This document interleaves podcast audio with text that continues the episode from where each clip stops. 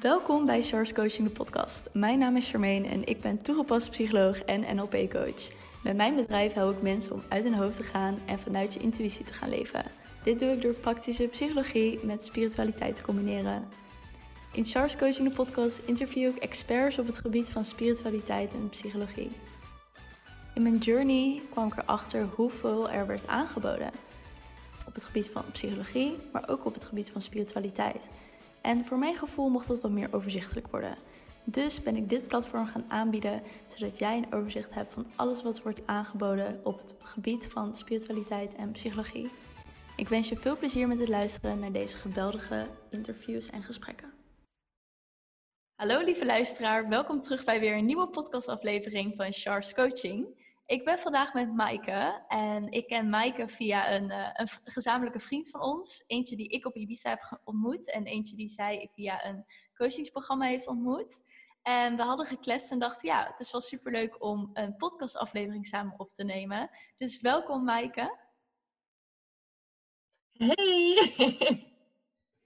Zo leuk dat je er bent. En je vertelde net ook dat je in Porto bent. Echt net aangekomen en daar een maand blijft. Superleuk. Of langer zelfs. Ja, echt super excited. En zo spannend ook dat ik direct kan beginnen met een podcast met jou. Dat is like, nog extra benadrukken dat mijn nieuw, nieuw leven is gestart.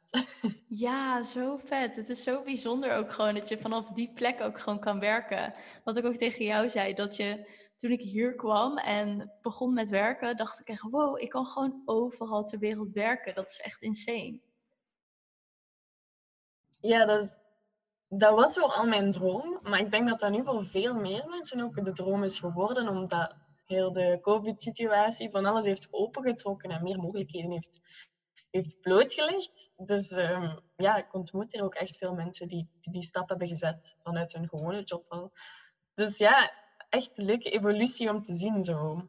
Dat, uh, dat de grenzen meer en meer open ja, maar dat is ook gewoon bijzonder. Wat jij ook net zei en nu ook zegt, dat je mensen in het hostel hebt die eigenlijk voor een bedrijf werken, maar dachten, oké, als ik dan toch vanuit thuis moet werken, kan ik net zo goed met thuis verplaatsen naar een warm land. Ja, ja.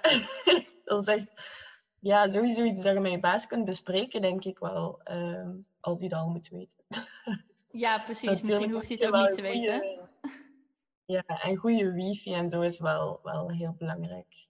Ja. ja, precies. En misschien checken of er niet ineens wel een fysieke meeting is. En dat jij zegt, um, ik zit in het buitenland. Even ziek melden. ja, oeps, ik heb uh, corona, kan niet komen. ja. Legit. Kan je misschien de luisteraar vertellen over, weer wat meer over wie je bent en wat je doet? Um, ja, zeker. Ik ben dus Maaike en ik ben mindset coach um, sinds, sinds april vol tijd. Daarvoor deed ik dat in bijberoep naast mijn job als marketeer. Um, en ja, mindset coach vind ik zo een vaag woord misschien. Maar ik heb heel veel coachtermen afgelopen en ik dacht, maar ja, wat ben ik nu eigenlijk precies? Wat is de beste term hiervoor? Maar alles heeft zoveel verband met elkaar. En ik vind het heel moeilijk om daar één woord op te plakken.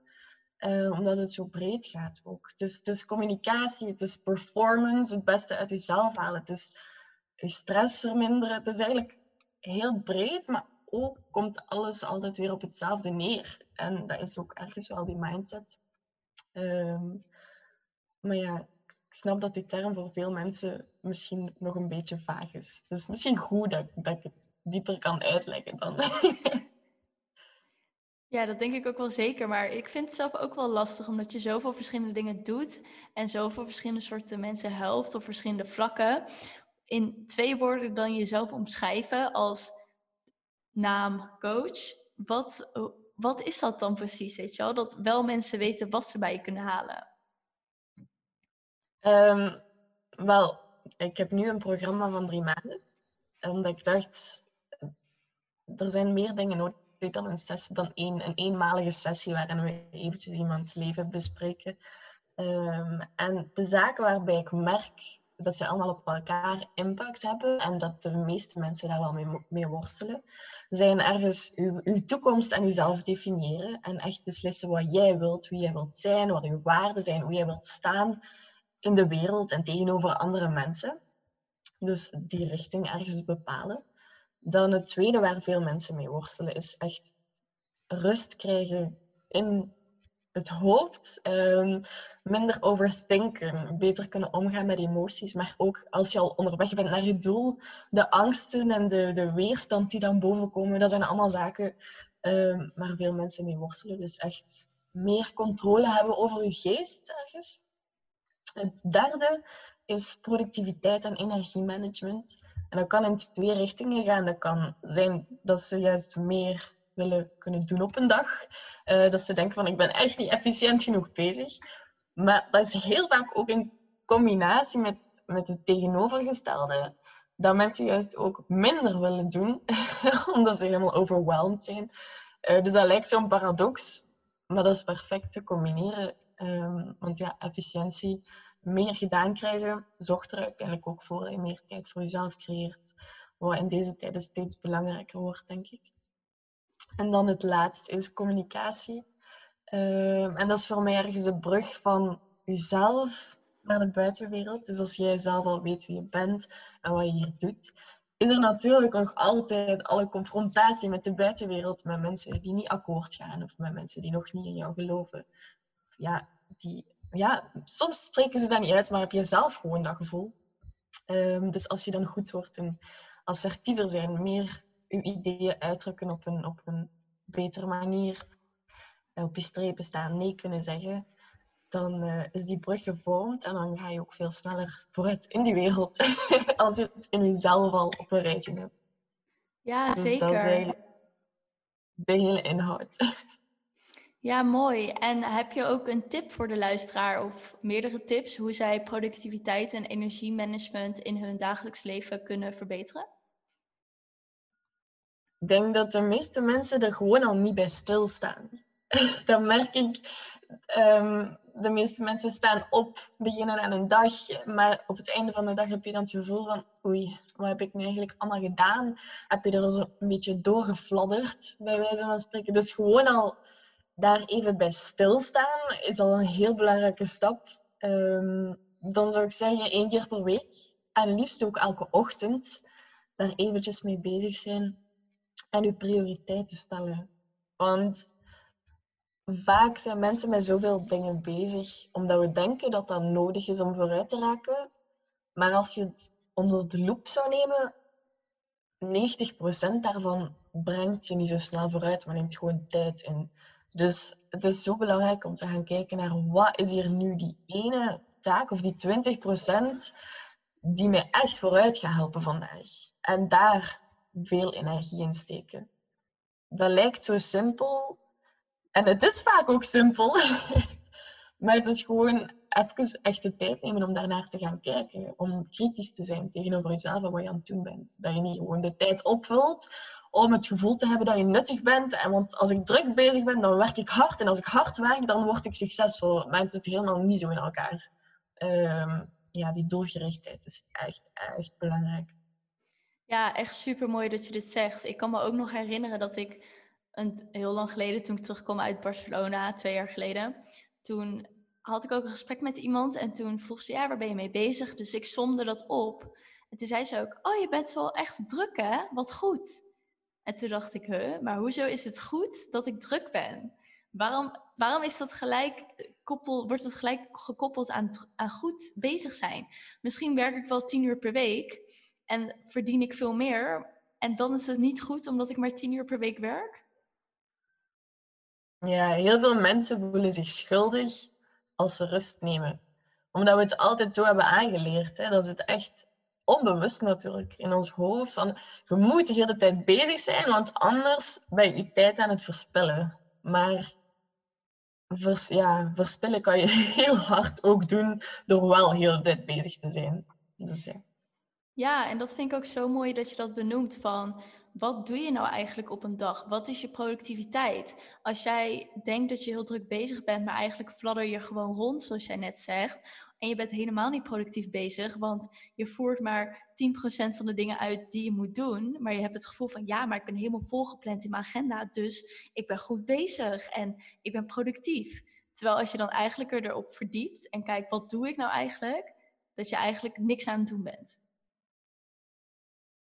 Ja, en dan komen we toe bij vrienden en dan vragen ze, ah, hoe is? En dan antwoorden we, oef, druk, druk, druk. maar als je dan over nadenkt, waar heb ik het precies druk mee? Wat doe ik precies? Welke stappen zet ik vooruit?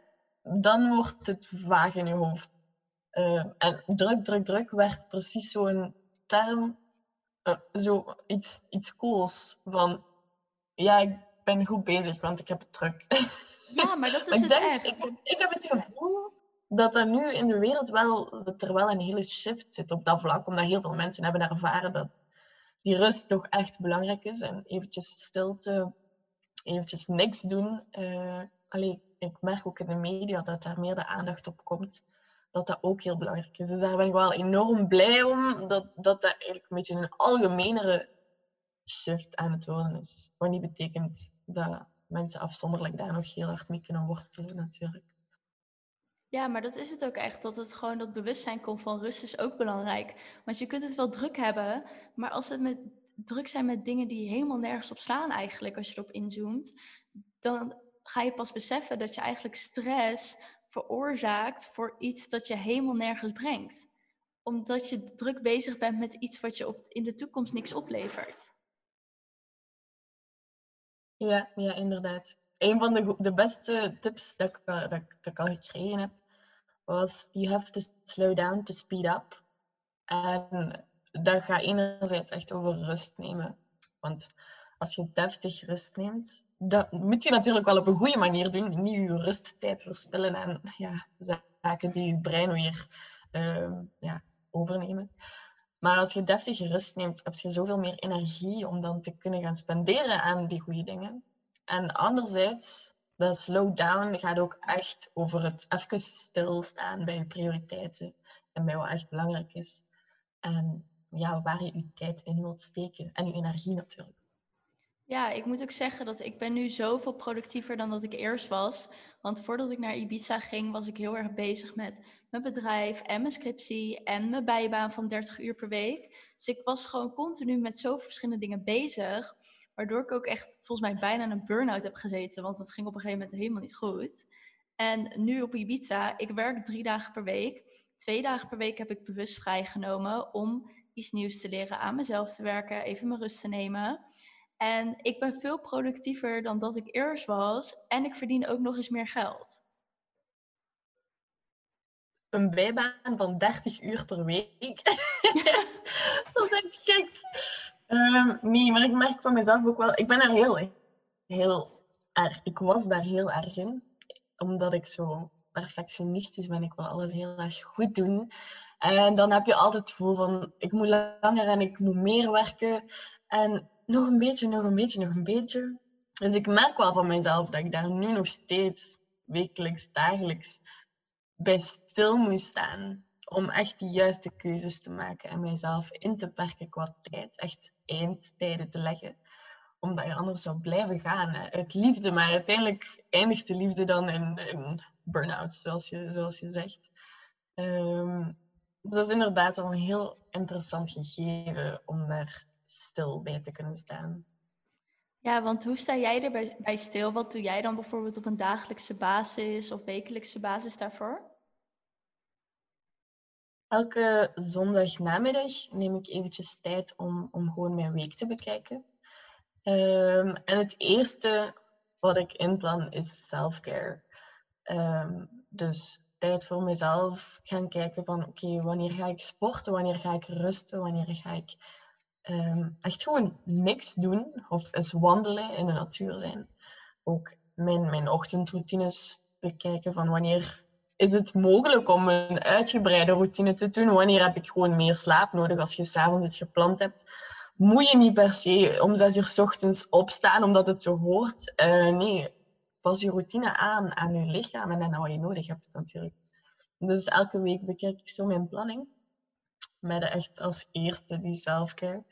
En dan elke ochtend, voor ik begin te werken, neem ik een half uurtje om mijn dag eens te overlopen voor mezelf. Uh, wat ik allemaal moet doen en wanneer ik ja, moet stoppen. Ik zet echt de wekkers ook. Eindtijden. En ja, dan moet ik stoppen met werken. Het is niet simpel, maar uh, je moet daar streng zijn voor jezelf. Ja, mooi. Ik denk dat je anders ook wel heel erg erin verliest. Want dat had ik inderdaad ook. Dat ik ging dan elke dag gewoon werken. Maar eigenlijk was ik heel veel losse dingen aan het doen. Waardoor ik wel echt, echt gewoon 50 of 60 uur aan het werk was. Terwijl ik dan eigenlijk op een gegeven moment dacht, maar wat ben ik nou eigenlijk allemaal aan het doen? En nu heb ik het echt ingedeeld van die dag doe ik dit, die dag doe ik dat. Dan heb ik vrij, dan doe ik dit. En ik ben veel productiever en heb veel meer energie om mijn werk ook te doen. Dus dat helpt inderdaad echt super goed om dat echt te kijken van oké, hoe ga je alles indelen? Wat heb je als voor planning deze week? Ja, ja, inderdaad. En dat is, ja, dat is echt een oefening. Dat is niet dat je nu dit weekend zegt, ik ga daar eens mee beginnen. en volgende week uh, lukt het allemaal supergoed. Want ik vaak merk, mensen gaan vaak van het ene uiterste naar het andere. Om dan ergens uit te balanceren in het midden uiteindelijk. Want vaak als ze alle, productiviteitstips en energiemanagementtips leren, dan gaat het zo goed dat ze gewoon compleet uitgeput zijn soms. van zodanig veel te kunnen doen. Van, oh wow, ik heb alles perfect gepland en ik heb mijn planning afgekregen. Maar dat is inderdaad dan weer ja, naar die selfcare gaan kijken en, en gaan luisteren naar je lichaam. Van oké, ik krijg nu wel veel gedaan op een dag, maar als ik dan zo uitgeput ben s'avonds, ga ik dat toch weer op een andere manier moeten aanpakken. Nog meer aandacht aan die selfcare spenderen. Ook al is dat al ingepland. Hè. Als je vijf uur aan een stuk heel intensief werkt, dan kan je daar echt fysiek uitgeput van zijn. Dus uh, dan, dan weet je ook van oké, ik ga toch meer pauzes moeten inlassen. Ik ga onderweg iets meer met mijn lichaam ook moeten doen in plaats van enkel met mijn hoofd bijvoorbeeld. Um, want te intensief is, is ook niet goed. Maar dat is, dat is echt een proces van uitproberen, zien wat je lichaam zegt, wat, wat je dan daarna weer kan aanpassen. En uiteindelijk merk ik wel dat mensen op hun eigen goede pad belanden. Maar het gaat vaak van het ene uiterste naar het andere. En dan... Ja, ik ben net met mijn handen aan het uitbeelden, maar dat zit je niet op een podcast natuurlijk. Ik hoop dat je het snapt. Ja, ik, vind, ik denk ook wel dat dat het proces inderdaad ook is. Gewoon verschillende dingen uitproberen en kijken wat werkt voor jou wel en niet. En wat jij ook net mooi zegt, heel leuk als je dan inderdaad productiever kan zijn. Maar als je zo productief bent dat je uitgeput raakt, wat, dan heeft het ook geen toegevoegde waarde. Want dan is het weer too much. Dus heel erg ook in tune zijn met je lichaam en met jezelf. Ik had bijvoorbeeld gisteren ook, toen had ik, de, had ik paardencoaching in de ochtend. Uh, wat heel mooi was voor het eerst. En daarna had ik nog een paar afspraken staan voor werk. Maar ik merkte toen ik thuis kwam dat ik ineens super moe was en dat ik helemaal geen energie meer had. Dus ik voelde gewoon, ik moet even liggen en even gaan slapen of zo om weer energie te krijgen. En in plaats van dat ik dacht, nee, maar ik moet werken, ik moet dit doen, heb ik mijn afspraak verplaatst naar vandaag. En heb ik even de rust genomen, ben ik gaan slapen voor anderhalf uur en voelde ik me weer helemaal topfit om s'avonds weer even wat dingen voor werk af te maken. Ja, maar ik vind dat super interessant, want wij en ja, veel mensen hebben al door van oké, ik moet gewoon luisteren naar mijn lichaam en daar voortdurend aan aanpassen. Maar als ik bij de mensen die net toekomen bij mij voor coaching zou zeggen, ja, het is eigenlijk simpel. Je moet gewoon luisteren naar je lichaam. Dan kijken ze naar mij van, ja Maaike, ik betaal u niet om mij te zeggen dat ik moet luisteren naar mijzelf. Hè? Ik ben hier om te luisteren naar u. Jij moet mij zeggen wat ik moet doen. dus ik merk wel, mensen hebben eerst ergens echt zo'n gestructureerde, concrete tips nodig om iets aan te pakken. En om echt aan de slag te gaan. En pas dieper in de coaching, als ze die zaken ook hebben uitgeprobeerd, kunnen we dieper ingaan op die. Uh, Oké, maar luister nu naar je lichaam. Want veel mensen zijn. We hebben het allemaal zodanig afgeleerd om te luisteren naar onszelf. Uh, we volgen het ritme van de maatschappij, het ritme van wat anderen van ons verwachten, de uren van ons werk. En dat ja, dat is logisch, je kunt dat niet zomaar plots veranderen. Je kunt niet zeggen tegen je baas om twee uur s middags, ik ga eventjes een powernap doen. ja, nu in de huidige situaties van thuiswerk uh, is dat wel iets simpeler, maar ik snap dat niet iedereen dat kan. Maar dus, we zitten daar zodanig in dat we dat echt hebben afgeleerd om te luisteren naar ons lichaam, naar onszelf. Dus dat is iets ook weer dat geoefend en ontwikkeld moet worden. Dat er wakker gemaakt moet worden in jezelf. Omdat dat is zodanig in een hoekje weggeduwd. Um, dus ja, ik heb al gemerkt dat je niet vanaf het begin kunt zeggen: luister naar je lichaam. En dan denkt iedereen: ja, wat moet ik horen? Wat, moet ik iets voelen in mijn hand? Of, Ja. terwijl het dus zo simpel eigenlijk is. En ik vind het ook heel mooi. Kijk, tuurlijk kan niet iedereen ineens een powernap nemen als ze aan het werk zijn. Dat is gewoon het voordeel van ondernemer zijn. Je bent je eigen werkgever, je bepaalt zelf je uren. Maar ik denk wel dat het iets is waar veel meer bedrijven zich ook bewust van zijn. Van hoe kunnen we die self-care en die gezondheid in ons bedrijf op peil houden. Omdat er gewoon steeds meer mensen zijn met burn-outs en ziekte en weet ik veel wat. En dat kost natuurlijk ook heel veel geld en tijd. Ja, ja dat is ook inderdaad super interessant, maar niet simpel als bedrijf, omdat elk mens anders gewired is op dat vlak. En ik merk dat veel bedrijven zo daar echt wel in beginnen investeren, wat super top is. En dan, dan krijg je de werknemers een workshop, time management bijvoorbeeld. Um, allemaal super interessant, maar dat blijft, zo als ik daarnet zei, aan het oppervlak. Dat blijft bij die concrete tips. En al, dan kan je dat gaan inzetten, maar als je daarna niet vanuit jezelf die stap gaat zetten van oké, maar ik moet daarmee spelen, ik moet meer luisteren naar mezelf en dat gaan inzetten tegelijkertijd, dan blijf je aan dat oppervlak. En dan zitten we nog altijd niet waar we moeten zijn. Dus dat is zo'n beetje het moeilijke, denk ik, in bedrijven.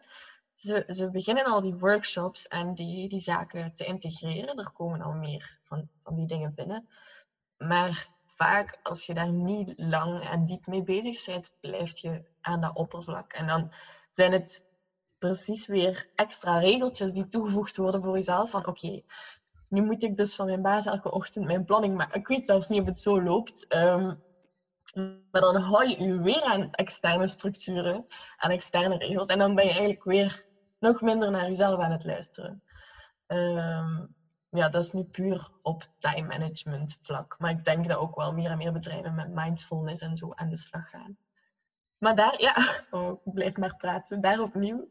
De eerste keer dat ik dingen las over mindfulness, was ik ook op zoek naar, oké, maar geef mij duidelijke stappen. Wat is stap 1 van mindfulness? Wat moet, ik, wat moet ik doen? En dan lees je zoiets van bijvoorbeeld mindful eten. Ja, 50 keer kauwen. of rustiger, ja, rustiger en, en goed smaken wat, wat, je, wat je proeft in je eten. En oké, dan denk je, wow, ik kan toch niet heel de dag door zo tellen hoeveel keer ik kou en ademhalingsoefeningen doen en weet ik veel wel maar.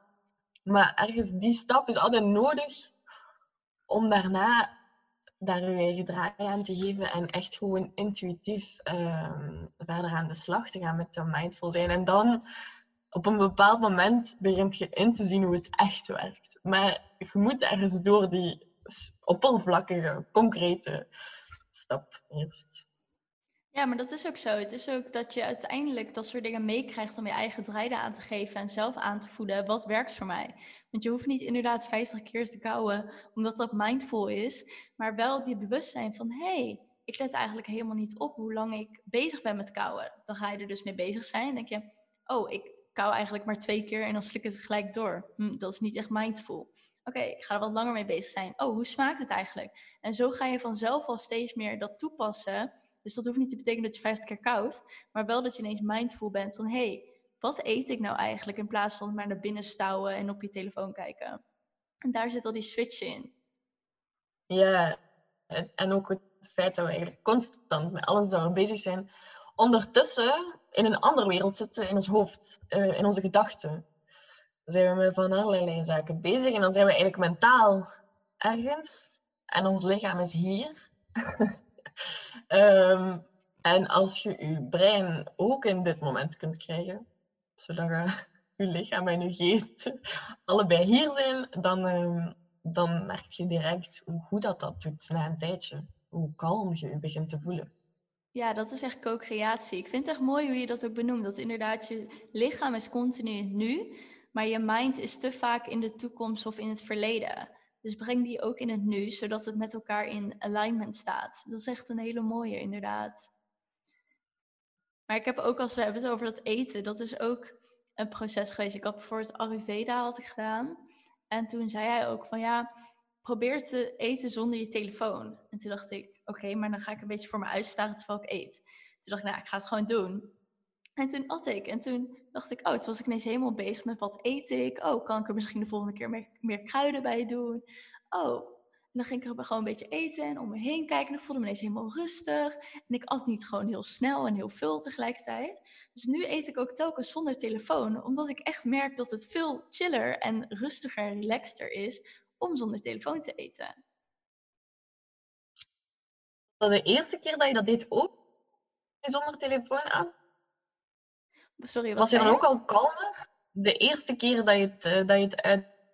Was je dan ook al kalmer of was je dan gefrustreerd? Um, de eerste keer was ik wel een beetje zo van... Ik ging een beetje om me heen kijken van oké, nu zit ik dus het te eten. Maar toen ging ik dus me bezighouden met oké, maar wat ben ik aan het eten? En toen kwam steeds meer dat bewustzijn van... Oh, oh, ik wil misschien dit de volgende keer anders eten. Of dat ik dus een beetje gewoon aan het dagdromen was en aan het eten. En dat toen merkte ik van, oh, het is eigenlijk best wel chill. Maar het was niet gelijk dat ik dacht van, oké, nee, dit werkt niet, ik pak gelijk mijn telefoon. Ik probeer het dan wel echt ook uit en geef het even een moment om ja. werk te laten doen. Ik denk dat dat is waar veel mensen um, op stoten en dan weer terugkeren. Dat is vaak dat je in het begin ehm, op die weerstand komt, die frustratie van, allee, nu kan ik niks nuttigs doen ondertussen, of, of nu ga ik me vervelen. En dat is vaak zo het punt waar mensen tegenbotsen en dan oké, terug naar de normale levensomstandigheden. Um, dus daar wil ik wel altijd iedereen zo aan pushen van breek daar even door. Ga door die weerstand, voel die weerstand en ga daardoor om dan te ervaren hoe dat is aan de andere kant. aan de kalmere kant. Maar ik, ik moet eerlijk toegeven, ik eet ook wel nog met mijn gsm naast mij. Dus ik ga dat straks een keer um, een, een try geven. Ja, dus, zeker doen. Laat, laat me vooral weten hoe het was. Dat je even een, eh, een berichtje erover stuurt. Want ja, het is wel gek natuurlijk, omdat het zo automatisch is. Maar ik zag bijvoorbeeld gisteren was ik lunchen ergens. En toen zag ik ook een vrouw en die zat, ja, jij kan het wel zien, de luisteraar niet, maar die had dan de telefoon in linkerhand. En toen zat ze echt zo van, een beetje zo met haar, met haar vork zo. En dan half op de telefoon. En dan ging ze eten en dan weer half op de telefoon. En toen keek ik ernaar en toen dacht ik... Het ziet er eigenlijk zo stom uit dat je aan het eten bent. Maar eigenlijk wat je continu doet is op je telefoon zitten. Want je kijkt niet eens naar wat je in je mond stopt. Ja, multitasking. Ja. dat is echt niet. En ik denk dat daar... Ja, ik denk dat daarin al de grootste veranderingen zitten. Kijk, druk zijn is gewoon de grootste onzin ooit. Want je druk zijn bestaat niet. Dat creëer je voor jezelf. En inderdaad, wat jij net benoemde van hoe productief ben je nou eigenlijk met hoe druk je bent. Leuk dat het allemaal in je agenda staat, maar ben je echt, echt productief? Haal je er echt wat uit ook voor de toekomst? Ik denk dat dat wel mooie vragen zijn ook voor de luisteraar om zich bewust van te zijn en over na te gaan denken. Ja, sowieso. Als je nog eens in een weekend uh, een half uurtje hebt, al is het maar een half uurtje, zet u eventjes neer en, en bekijk het eens voor jezelf. Dat kan echt zoveel verschil maken. Zo, dat is echt Want dat is het ook weer, hè. Mensen denken dan altijd, ja, maar ja, ik heb geen tijd. Ik heb daar geen tijd voor. Ik heb daar geen tijd voor. Maar we hebben, we hebben wel tijd om, om allerlei zaken te doen. En als je even eerlijk naar jezelf kijkt, dan, dan weet je ook, ik ben mijn tijd aan veel zaken aan het verspillen. Maar als je dan iets moet doen dat goed is voor u, dan denk je, ja, maar ja, hoe ga ik dat inplannen? Nee, nee, nee, ik heb daar geen tijd voor. En daar, is ook een goede quote voor. the reason why you can't is the reason why you must. Ehm, geen tijd kunnen maken is het allerduidelijkste signaal dat je tijd moet nemen daarvoor. Ja, en echt, ik denk het heeft ook vooral te maken met prioriteiten stellen. Als jij zegt, ik heb er geen tijd voor, dan vind je het dus niet belangrijk. Dan stel je er geen prioriteit voor. Want als je het echt wil en echt belangrijk vindt, dan maak je er tijd voor. Mm -hmm. En ik, dat bespreek ik ook met de mensen die bij mij in een, in een call komen. Ik heb al gehoord van coaches die dan zo zeggen, ja, maar als je daar niet in wilt investeren of als je daar geen tijd voor wilt maken, dan vind je jezelf niet belangrijk. Ehm, maar dat is, dat is helemaal niet waar. Ik merk dat ook met de mensen waarmee ik spreek. Als zij zeggen van ja, maar ik heb daar geen tijd voor, dat gaat moeilijk zijn, dan gaat dat niet over tijd. En dan gaat dat ook niet over het feit dat ze nooit gemotiveerd genoeg zijn. Dan is het gewoon nu nog niet hun timing. Iedereen heeft zijn eigen proces, zijn eigen timing. En vaak pas als je echt, echt tegen je muren botst, dan ben je bereid om die tijd daarvoor vrij te maken. En dat is helemaal oké. Dat, is, dat is helemaal niet erg dat, dat iedereen daar zijn eigen timing voor neemt. Ehm, ik kan daar moeilijk mensen voor, voor uitmaken van allee, spendeer meer tijd aan jezelf. Ik weet ook van mezelf, dat is een heel proces. Um, en misschien ben ik vandaag nog niet klaar om die ordelijke, gestructureerde, opgeruimde persoon te zijn, bijvoorbeeld. Maar tegen het eind van de maand kom ik daar zo gek van, dat ik echt zoiets heb van nu is het genoeg. Nu is het genoeg. En dat punt, die klik, heb je nodig om actie te ondernemen. Als je er een beetje aan ergert, maar oh, het kan eigenlijk best nog, of uh, het is af en toe maar, dan kun je ergens aan beginnen uh, om beter gestructureerd te zijn. Maar dan zit je nog niet in die timing. Het is echt, je moet echt zo met je neus op je eigen shit gedrukt worden ergens. en dan gevoel hebben van, oké, dit is het punt. Now I'm gonna get my shit together. en dan, uh, dan werkt het. Dat, dan is de timing. Dus ik weet ook, je kunt mensen niet pushen of forceren daarin. Ja, dat geeft dat mij ook wel heel veel kalmte, dat idee. Ja, maar dat is ook echt zo. Iedereen heeft zijn eigen journey daarin. En nu je dit ook zo opnoemt, ik had dat ook. Toen ik naar Barcelona ging, toen had ik last van een dissociatie die zo erg was dat ik dacht, ik moet hier wat aan doen. Het moet gewoon anders. En zo begon het hele proces van zelfontwikkeling, omdat ik gewoon merkte van dit kan niet zo langer. En ik had toen ook een ex-vriend en ik wilde hem heel graag meenemen in het proces, maar hij was er nog niet klaar voor. Dus hij zei ook van ja, het was alsof hij een soort van blueprint voor me hield en zei: Dit is wat je moet doen, dit is wat je kan helpen. Maar ik zat van: Nee, maar ik wil dat niet, haal het weg. Ik, ik wil me daar helemaal niet bezighouden. Dus je kan ook iemand niet forceren om ineens met jou mee te gaan. Of wat wij als coaches weten, dat ineens iedereen dat gaat doen of iedereen dat ja, gaat toepassen. Nee, als, als maar die zaadjes geplant worden, om uiteindelijk, als de tijd ervoor is, dat je denkt, wow, dit is inderdaad wat ik moet doen en waar ik naartoe ben geleid. Mm -hmm, Ik was er gisteren nog met iemand over bezig. Um, je kan dat zo hebben met, met series of, of films of boeken die je bijvoorbeeld vijf jaar geleden hebt gezien of gelezen. En nu kijk of lees je die opnieuw en denk je plots, wow, ik heb die boodschap volledig gemist. Ik dacht, hè? En dat je plots dingen ziet die je toen totaal niet gezien hebt. En dus, mensen gaan echt door mindset levels. En in sommige levels kun je dingen zien die je, die in andere levels niet ziet. Dus ja, inderdaad, ik ga niet verwachten als ik met mensen praat dat ze direct uh, super kalm zijn.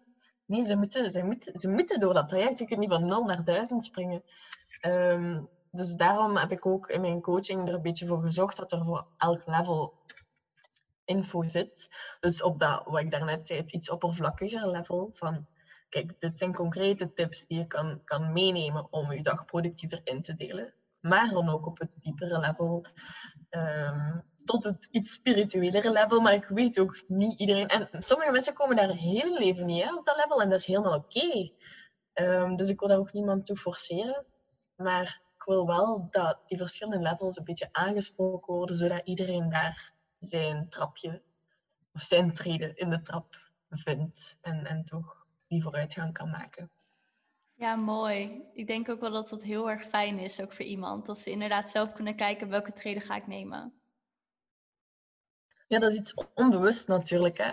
Want ja, ik werk met, met een online cursus met filmpjes. En iedereen krijgt diezelfde filmpjes. Maar dat is gelijk ik daarnet zei.